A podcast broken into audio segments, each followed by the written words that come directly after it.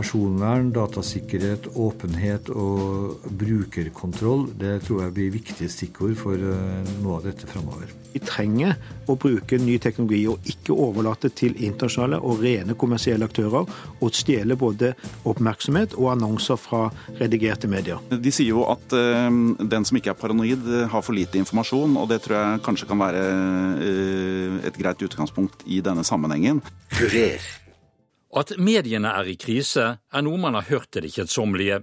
Mens omstillingen til ny teknologi har krevd sine ofre, er man kommet langt når det gjelder forskningen om hvordan nyhetsformidlingen vil arte seg i fremtiden. Adresseavisen og NTNU fikk nylig tildelt 40 millioner kroner av Forskningsrådet. De skal brukes på forskning til å utvikle anbefalings- og personaliseringsteknologi. Slik forteller redaktør Rolf Dyrne Svendsen i Adresseavisen hva de håper å få ut av forskningsprosjektet. Og det Stikkordet for dette er relevans. Slik som det er nå, så serverer vi stort sett det samme produktet til alle våre brukere, enten de er på papir eller nett. Det er liksom et stort koldtbord som man får servert mange forskjellige typer nyheter på, og så får man lete og lese seg fram til det de syns er interessant. Vi tror at uh, den teknologien som uh, vi kaller for anbefalingsteknologi, den er i stand til å sortere i nyhetene, slik at det som kommer fram til deg som bruker eller leser, det er uh, mer tilpasset dine interesser eller den situasjonen som du befinner deg i, eller hvor du befinner deg. Men hvordan kan dere være sikre på at jeg får de relevante nyhetene som, ja, som er viktige for meg? Jeg tror dette består, må bygge på det samme tillitsforholdet som eh, norske medier har, eh, og mange medier eh, har nytt godt av i mange, mange år. Det at man er troverdig og har et, et kvalitetsunderlag for det man holder på med. I den forbindelse så tror jeg mange vil ha tillit til at vi kan forvalte de digitale sporene som du etterlater deg når du bruker nettaviser, når du er på sosiale medier osv. Eh, at vi kan bruke dem på en sånn måte som kommer til nytte for deg. Men jeg tror at den eh, absolutte forutsetninga for dette her er at vi må spille med åpne kort, og at du som bruker har anledning til å kontrollere hvordan er det vi anvender de, de opplysningene som vi da har tilgang til. Ellers så tror jeg mange, og det Jeg tror vi står på terskelen til en mye større vegring mot å gi fra sånne type opplysninger inn mot business enn det vi har opplevd før i forbindelse med tradisjonelle abonnementsforhold. Så dette med den personvern, datasikkerhet, åpenhet og brukerkontroll, det tror jeg blir viktige stikkord for eh, noe av dette framover. Eh, men jeg tror jo at vi som brukere alle sammen, vi kommer etter hvert til å lære oss å skille mellom hvem som er våre venner, og hvem som uh, måte, drar unødige fordeler av disse tingene. Nå er vi jo i den heldige situasjonen, enten man nå befinner seg i NRK eller man sitter i type aviser sånn som jeg jobber i. så så har vi et årelangt tillitsforhold eh, mellom publikum og det vi holder på med. Og sjøl om mange eh, av og til syns at vi gjør feil, og man kan påpeke at vi gjør ting som man er uenig i, så tror jeg at det grunnleggende sett består et, eh, et, et sånn type tillitsforhold. Og det, det, er en god basis for å jobbe seg inn i et terreng som kanskje ikke alle sammen helt riktig vet hvor er de riktige stiene å gå. Og det tror jeg man må gjøre litt i fellesskap. da.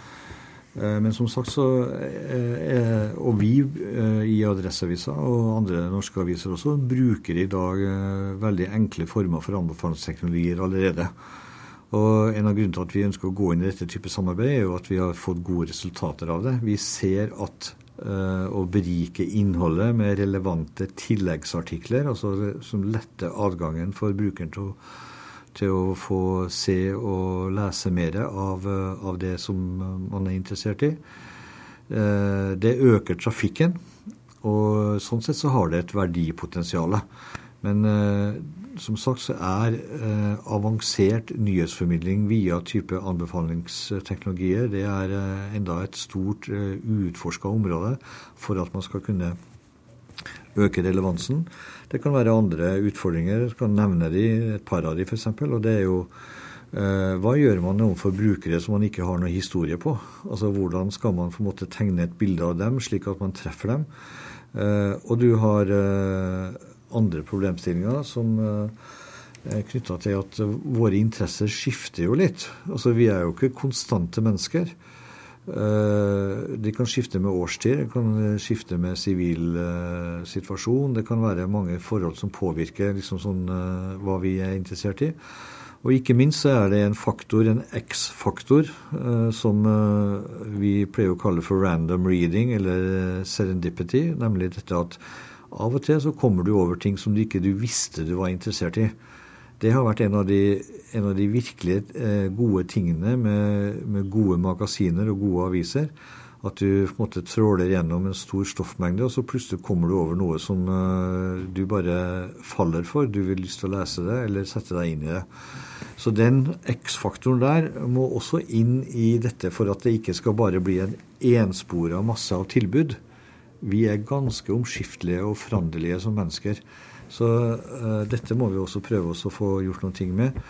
Og dette er utfordringer som en vanlig mediebedrift overhodet ikke har mulighet til å jobbe med. Uh, her må vi få hjelp av uh, forskere, og vi må få hjelp av mennesker som er interessert i å bidra til den rollen som mediene skal spille i framtida.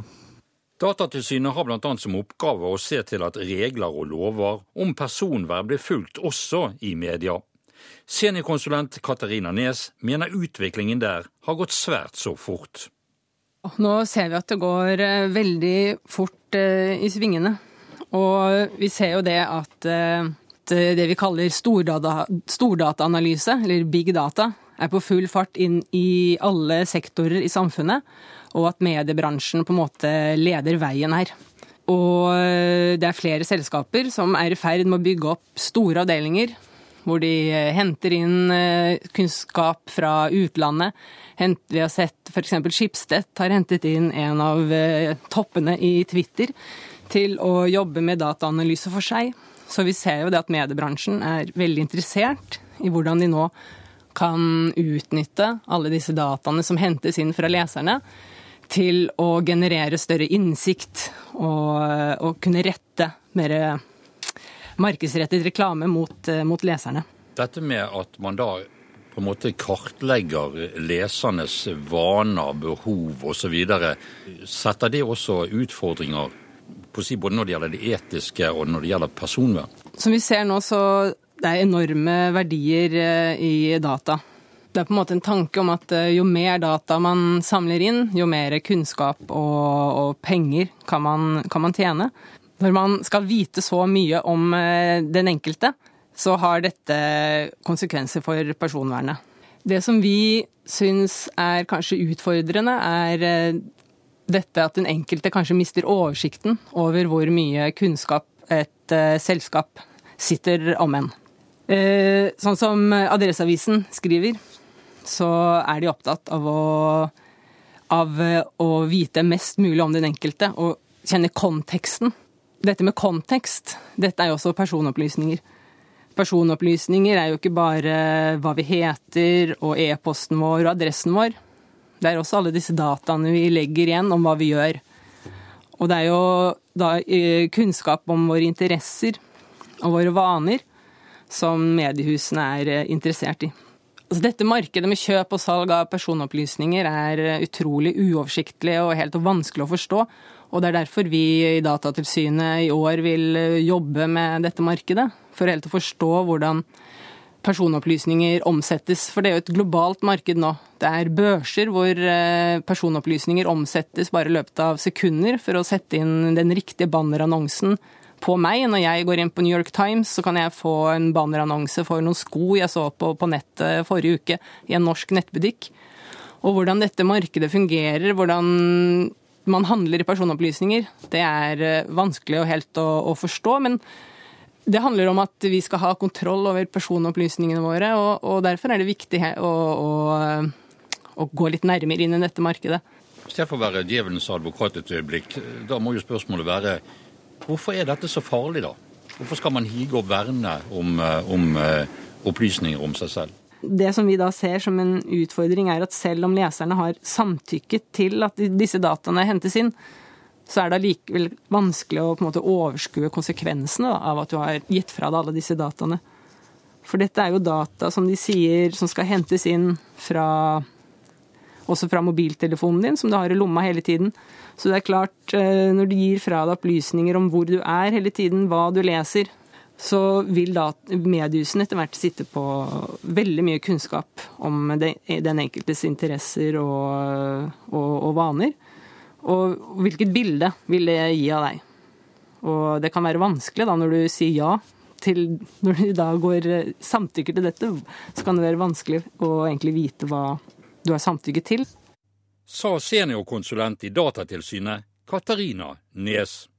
So many things that we have around us, things like I don't know, the Eurovision Song Contest. You wouldn't invent that now, but we carry on with it. I don't think you would invent the news now. If we invented the news tomorrow, it would not be a half-hour report at six o'clock. I think we have a problem.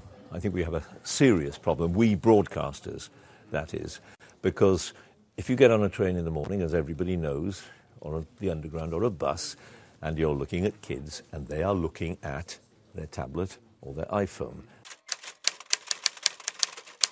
Dette var et kutt fra presentasjonen av BBCs strategirapport The Future of News, som tar for seg både utfordringer og ikke minst mulighetene som kringkastingsselskaper står overfor. Thomas Spence er leder i Norsk Journalistlag, som organiserer de fleste journalistene her til lands. Eh, mediebransjen er i voldsom endring fordi markedet er i voldsom endring, så man er nødt til å eh, omstille seg. Eh, men det er klart, jeg kan ikke og vil ikke gi noe blanko fullmakt til alt som måtte komme fra fremtiden. For det er også farer ved denne typen endring. Eh, personvern er nevnt, og er selvfølgelig. Det betyr jo at mediehusene, som Facebook, Google allerede i dag gjør, samler inn store mengder data om enkeltpersoner. Og her trenger vi en lovgivning, og vi trenger en debatt om de nye formene for innsamling av teknologi. Men det har også mulige konsekvenser for journalistikken, som Norsk Journalistlag absolutt vil være med å diskutere. Eh, kan du tenke deg hvilke utslag det kan få for, eh, for fremtidens journalistikk? Ja, altså, Det gode ved det er jo at dette da sannsynligvis vil gi bedre muligheter til å nå brukerne med stoff, innhold, som er nær brukerne, og som brukerne ønsker, og også bruke en teknologi som gjør at det kommer fram lett. Det er bra fordi det skjer i konkurranse med andre som ville bruke den teknologien til å fremme eh, og selge eh, kommersielt, eh, ikke-redaksjonelt stoff. Så det er bra at mediene bruker de samme verktøy som konkurrenter. Men faren tror jeg er at det kan kanskje lede til en form for eh, enøyd popularitetsjakt. At man bare jakter eh, mange klikk og tomme blikk, som det er sagt. At de vesentlige, de langsiktige sakene som berører både eh, og som er felles og vesentlige for både kommunen, for regionen, for nasjonen, at de forsvinner til fordel for de mer kortsiktige, matnyttige, kuriøse, morsomme sakene som man liker i øyeblikket, men som farer fort forbi, og som blir også fort glemt. Nå hevdes det jo fra de store mediehusene at dette eh, kan muliggjøre mer penger til den kritiske og undersøkende journalistikken, og i det hele tatt den seriøse journalistikken. Eh, for noe inntekt må man jo ha. Det er jo lett å tro på et sånt argument. Eh, vi er iallfall enige om målet. Eh, vi trenger inntekter. Vi er nødt til å skaffe eh, betaling fra brukerne. Og dette kan være en måte å nå brukerne og få de til å betale. For hvis ikke så forsvinner grunnlaget for både den kritiske journalistikken og underholdningsjournalistikk og andre former. Så ja, men det er klart vi må også være med å holde for så vidt både direktører og redaktører i frakkeskjøtene, slik at man ikke bruker denne muligheten til å skreddersy artikler, reportasjer, film, bilder, video til brukerne, slik at det bare blir den kortsiktige, øyeblikkelige opplevelsen at den blir prioritert, framfor det som er vesentlig, som er dypere, som berører folks liv, og som de i lengden også vil ha. Man må ikke la denne muligheten til å la det kortsiktige undergrave de langsiktige behovene eh, vinne frem. Nå er du leder for uh, organisasjonen som organiserer norske journalister. Har du inntrykk av at dette her er noe som blir debattert, altså fremtiden og ny teknologi, og hva det vil ha å si for journalistikken? Ja, det gjør det. Eh, og samtidig så er det med en blanding av ydmykhet og eh, nysgjerrighet vi går inn. Fordi det er, eh, det er på en måte veldig mye utenfor de tradisjonelle redaksjonene som nå driver journalistikken framover. For det er teknologi, som du sier. Eh, hvordan man kan eh, finne ut hvem brukerne er, hva de ønsker, og hvordan man skal nå dem med nye tekniske plattformer. Det er ikke tradisjonelt journalistikken og journalistenes hovedfokus. Vi har vært mer opptatt av innholdet, tekst, film, bilder, lyd. Men teknologi er blitt en helt integrert del av journalistikken, så vi må bruke krefter på å være med i denne diskusjonen. Så hvordan ser du fremtiden i, i møtet? Eh, som sagt, Jeg vil gratulere Adressa med å starte dette. Forhåpentligvis kan de skaffe seg kompetanse og erfaringer som kan komme hele den norske medieverdenen til gode. For vi trenger å bruke ny teknologi og ikke overlate til internasjonale og rene kommersielle aktører å stjele både oppmerksomhet og annonser fra redigerte medier. Kurer. NRK P2. Skipsted-konsernet loggfører opplysninger om brukerne sine. Det betyr at informasjon om brukere som logger inn på f.eks. Finn Et lite kutt fra Dagsnytt 18 i fjor høst. Det vakte da stor oppmerksomhet da journalist Bjørn Ekblad i Dagens Næringsliv skrev en artikkel hvor han kunne fortelle at han hadde hentet utskrifter fra Skipsted som viste at de hadde 136 000 opplysninger om ham. Og slike kan frem for å få ut opplysningene. Ehm, jeg ba ganske enkelt om innsyn i dem eh, med henvisning til eh, personopplysningsloven. Hvor det står at, eh, at, brukeren eller den som blir registrert har rett til å få innsyn i mappa si, så å si, hos den som lagrer data om deg. Og I det du fikk ut, så var det 136 000 punkter. Hva visste de om deg? De visste eh, ganske mye om hvilke nettsider jeg hadde vært eh, inne og lest eh, i Skipsted, ulike deler av Skipsted-konsernet. Så alt fra VG og Bergens Tidende, Aftenposten. Men selvfølgelig også hva jeg hadde lagt ut for salg på Finn. Og i tillegg til dette så visste de hvilken Eh, device, eller hvilken eh, dings jeg hadde brukt for å koble meg til eh, nettstedene deres. Om det var en mobiltelefon, iPad, eller om det skjedde fra kontoret. Og selvfølgelig klokkeslett og hvor lenge jeg var inne hver gang, og sånne ting.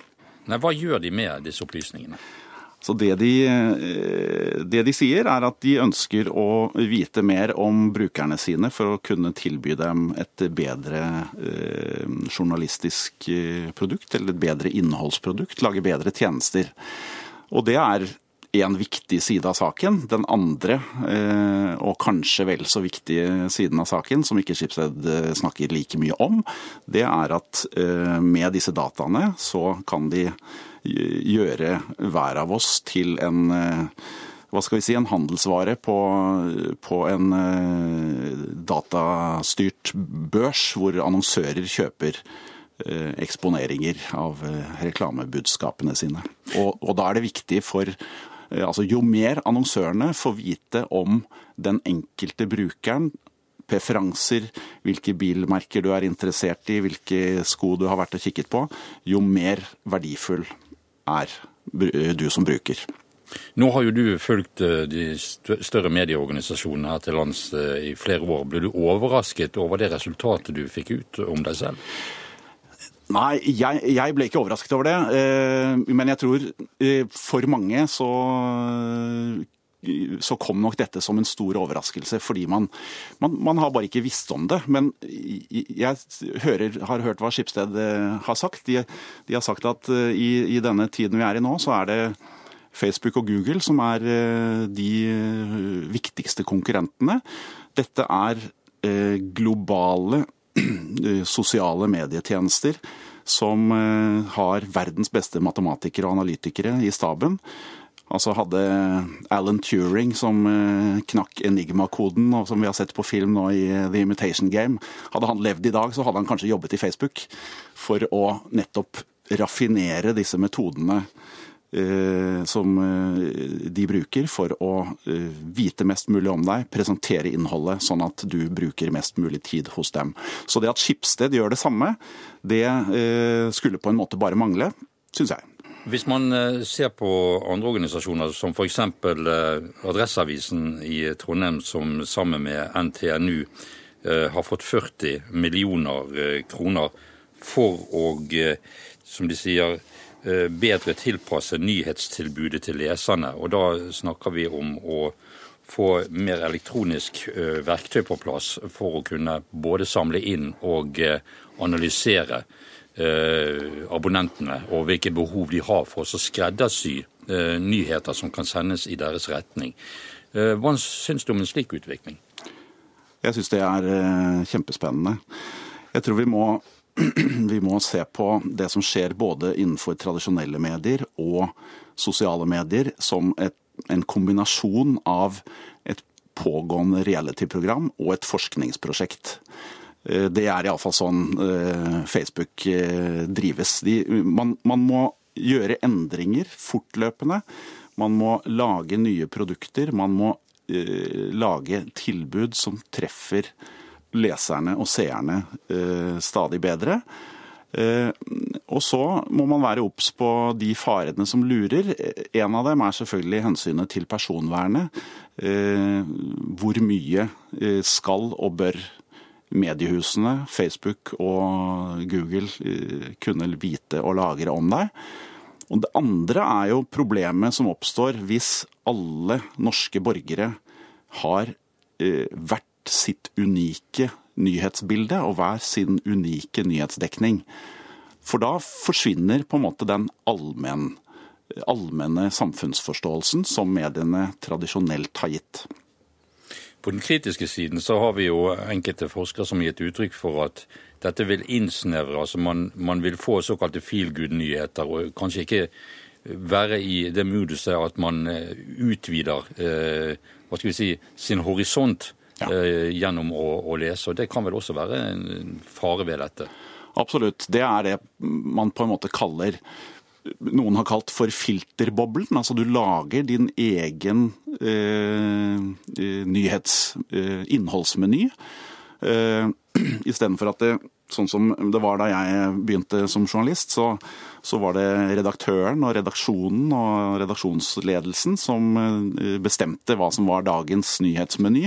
Pakket den inn i et produkt som eh, iallfall noen leste fra A til Å. Noen eh, bladde selvfølgelig raskere gjennom, men man ble eksponert for en pakke med en begynnelse og en slutt i dette nye landskapet som Adresseavisen og, og, de andre norske mediene så vidt har begynt å bevege seg inn i, så eh, er det jo snarere motsatt. Det er eh, brukeren selv som dels ved å oppgi preferanser, men også dels bare ved å eh, at atferden og valgene blir registrert fortløpende, så skapes det en spesialtilpasset nyhetsmeny som bare er for den ene brukeren. Og da er det ikke sikkert at du får vite om en viktig politisk sak som eh, du bør engasjere deg i som eh, samfunnsborger, men som er utenfor ditt interessefelt. Hva ser du som, som faren ved dette å ha disse opplysningene lagret? Eh, de sier jo at eh, den som ikke er paranoid, eh, har for lite informasjon, og det tror jeg kanskje kan være et greit utgangspunkt i denne sammenhengen. Det som er interessant å tenke på, og som man kanskje bør tenke på, er hva skjer den dagen et utenlandsk, og kanskje ikke fra et så vennlig utland som, som Sverige eller Danmark, kjøper opp norske mediebedrifter, og dermed også deres etter hvert store databanker med personlig informasjon om oss. La oss si et kinesisk eller russisk eh, selskap eh, skulle komme og overta Adresseavisen. Da tror jeg debatten om eh, personvern og håndtering av personopplysninger kanskje ville ta en helt ny og interessant vending.